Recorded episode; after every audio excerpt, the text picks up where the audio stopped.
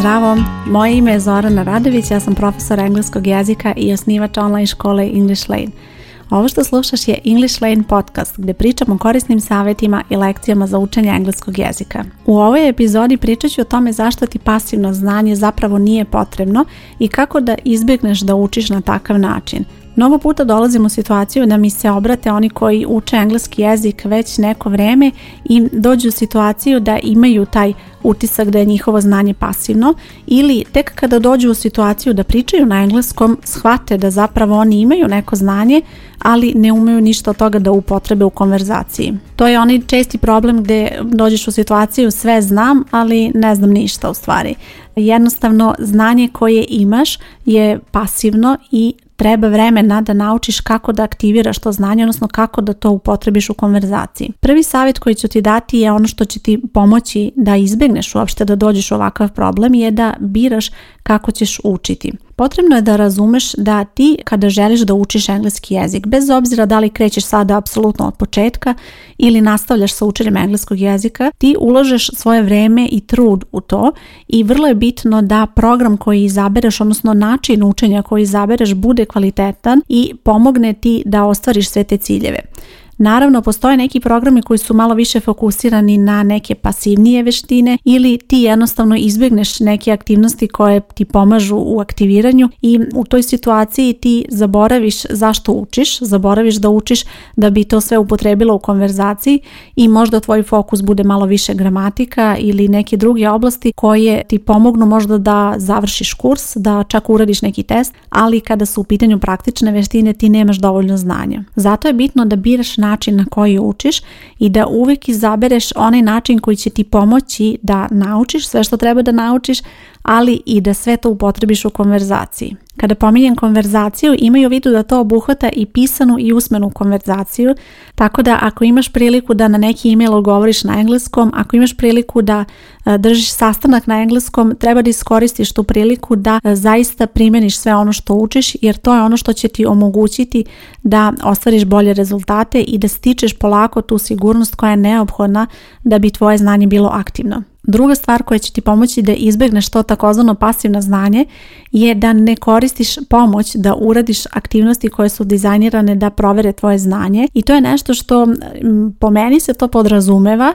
ali ne podrazumeva se baš kod svih i znam da mnogi kada imaju neki zadatak da urade da e, iskoriste tu pomoć koju imaju, pogledaju malo u lekciju, malo u rečnik, pa čak se dešava da možda neko uradi nešto tako što će koristiti neki online alate, recimo ako želiš da napišeš email i ti uradiš to tako što ćeš otkucati na svom maternjem jeziku i onda prevesti taj e-mail koristeći Google Translate, tu već dolaziš u problem jer ti ništa nisi naučila od svojih veština, ništa nisi praktično primenila od onoga što si naučila, već si koristila pomoć. Vrlo je bitno da to izbegneš kada učiš engleski jezik. Sve aktivnosti koje su napravljene, koje tebi pomažu da naučiš engleski su tu da bi ti to omogućile, da bi ti pomogle da naučiš i provežbaš i primjeniš sve ono što učiš, a ne samo da ih uradiš, da uradiš neku aktivnost, da dobiješ ocenu, da pređeš dalje i tako dalje, jer na taj način nećeš moći da ostvariš to i uvek je bitno da shvatiš to kao tvoj cilj.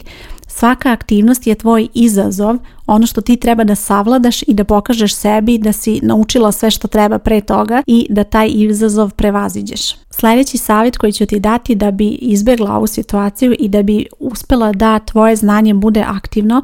je probaj da se fokusiraš na aktivne veštine.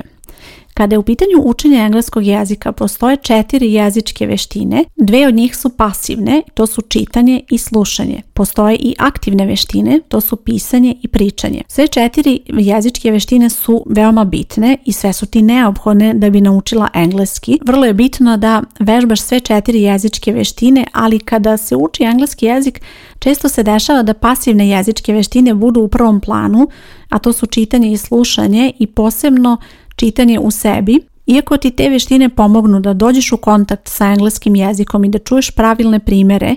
one nemaju dovoljno onoga što je tebi potrebno da bi aktivirala svoje znanje. Tada moraš da vežbaš na razvoju vještine pisanja i pričanja. Pisanje i pričanje zajedno čine konverzaciju odnosno imaš konverzaciju u pisanom obliku ili usmenom obliku i u okviru te aktivnosti ti vežbaš da upotrebiš sve ono što znaš. Ovo su aktivne veštine zato što ti pomažu da aktivno koristiš engleski jezik, odnosno vežbaš da upotrebiš sve ono što si učila do sada, da se izraziš na engleskom jeziku i prvo je pisanje, a drugo je pričanje i sve je to zajedno konverzacije. U okviru te konverzacije ti praktično aktiviraš sve ono što si učila prethodno i gramatiku i nove reči i red reči i fraze, izraze, sve ono što je potrebno da bi tu rečenicu napisala onako kako treba, odnosno izgovorila. To znači da ako želiš da izbjegneš pasivno znanje, trudi se da što više dobiješ priliku i iskoristiš takvu priliku da pričaš i pišeš na engleskom.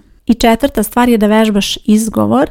Izgovor je veoma bitan kada je u pitanju učenja engleskog i vrlo često se čitanje koje ti vežbaš svede na to da ti čitaš nešto u sebi i tada nemaš priliku da vidiš da li ti zaista to umeš da izgovoriš. Na taj način ovu veštinu pretvaraš u pasivnu, a možeš da je aktiviraš, odnosno da ta veština postane aktivna tako što ćeš čitati na glas.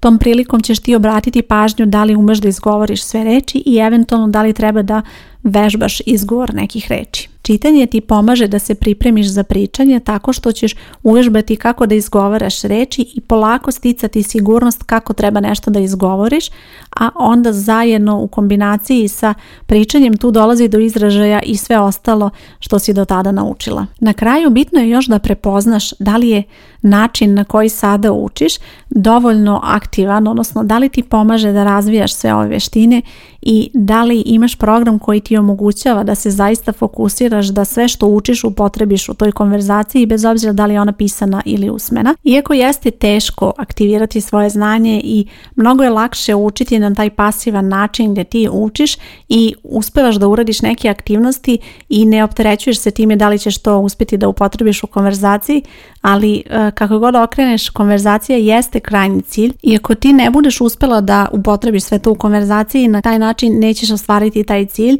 i zato je bitno da razmisliš razmisliš o načinu na koji učiš i proveriš da li ti to pomaže i omogućava da učiš aktivno i da aktivno radiš na razvoju svih tih veština. Ja kao autor kurseva engleskog jezika koji su dostupni u okviru moje online škole koja se zove English Lane, posebno sam se bavila ovom temom zato što me je zanimalo kako da napravim aktivnosti koje će pomoći da to znanje bude aktivno, da prosto ne dođe niko u situaciju da znanje koje stiče bude pasivno, već da sve aktivnosti budu dizajnirane tako da omogućavaju razvoj tih aktivnih veština i mislim da sam odlično uspjela u tome jer sam e,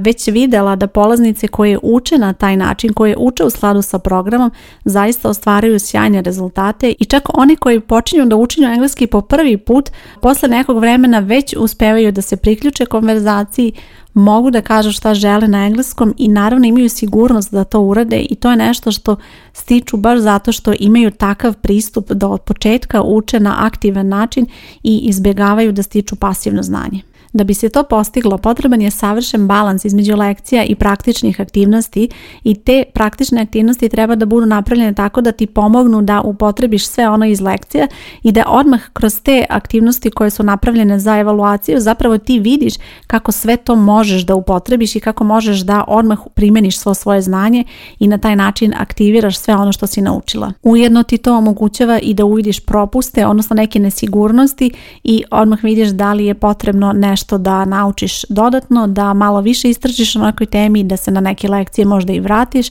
jer želiš da nastaviš da učiš tako da uspevaš da uradiš sve te aktivnosti bez ikakvih problema. Ako nisi član Line škole, a želiš da učiš na mojim online kursevima i to preko interneta kada tebi odgovara bez fiksnih termina kojima treba da se prilagođavaš, na ovoj stranici gdje slušaš ostavit ću link tako da možeš da pogledaš više o tome kako funkcioniše učenje, šta sve dobiješ kao član škole i kako možeš da nam se priključiš. Hvala ti što slušaš podcast, ja sam Zorana Radović i čujemo se uskoro. Ćao!